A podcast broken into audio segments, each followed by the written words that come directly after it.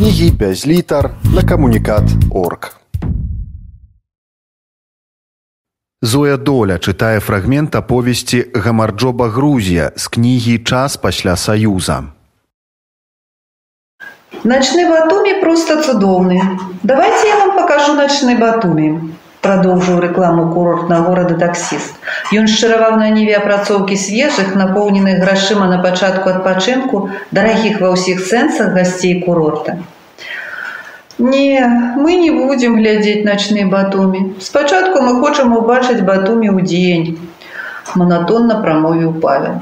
Начны Батуми, 35 ла, Зурак усё покажа зазыўна падвысіў голас таксіст і паклаў руку на грудзі побач з сэрцам. Яго завуць зура, подумала Надя, стараючыся запомніць грузінскае імя. Яе зусім не напружваў гэты ліпучы кіроўца таксіст. Таксі, бо ў яго жаданні падзарабіць на турыстах не было нахабства, а хутчэй прасочвалася гэтакая гульня ў таксіста і экскурсавода ў адной асобе. Дзякуй, іншым разам, стомленым голасам падзякаў яму павел. Пасля начнога бяссоннага пералёта павлу было не да экскурсіі як там цяпер у беларусі? З паездкаў не атрымлівалася і таксі зурак вырашыў паразмаўляць пра жыццё вам даводзілася бываць у беларусі ажывілася надзя не ніколі не быў як вам расказаць пра сучаснае жыццё калі вы не ведаеце якое оно было ў нас раней Чаму не ведаю, ведаю. Раней жыццё было аднолькавае па ўсім савецкім саюзе, амаль аднолькавае. Што ў нас, тое і ў вас.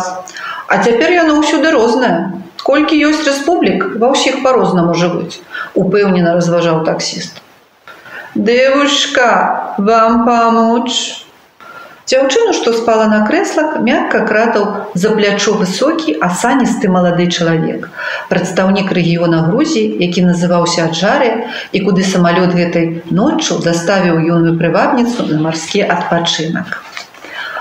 Яна падхапілася і з прасонку цягучым голасам мармытала. Ужо трэці пытаецца, ці не дапамагчы мне. І галоўнае ўсе як адзін хлопцы з мясцовых. Вы мне вельмі дапамаглі, калі б не будзілі. Дайце мне нарэшце паспаць, памагатыя. Млява з ноткамі гуллівасці абуралася дзяўчына, папраўляючы сумку, што ляжала пад галавой замест падушкі.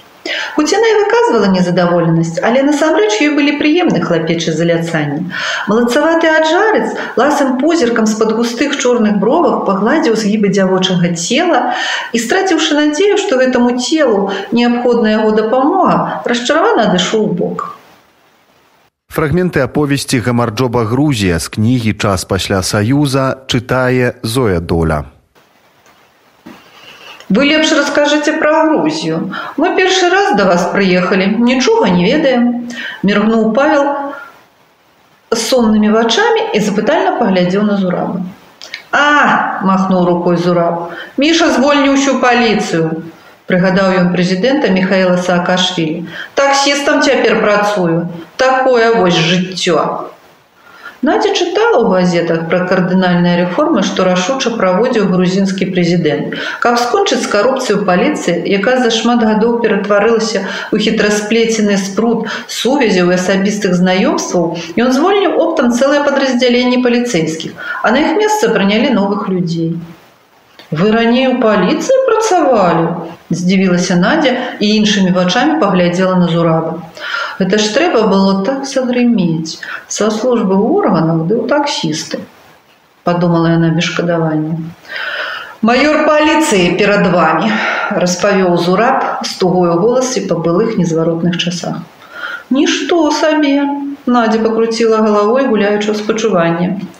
Цяпер новых на службу панабіралі. Яны культурныя і ветлівыя, хабар не бяруць.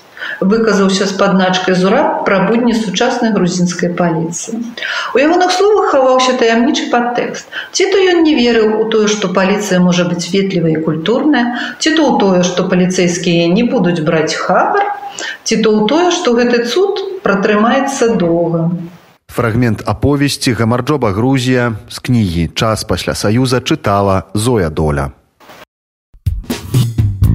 Кнігі без літар на камунікат орг.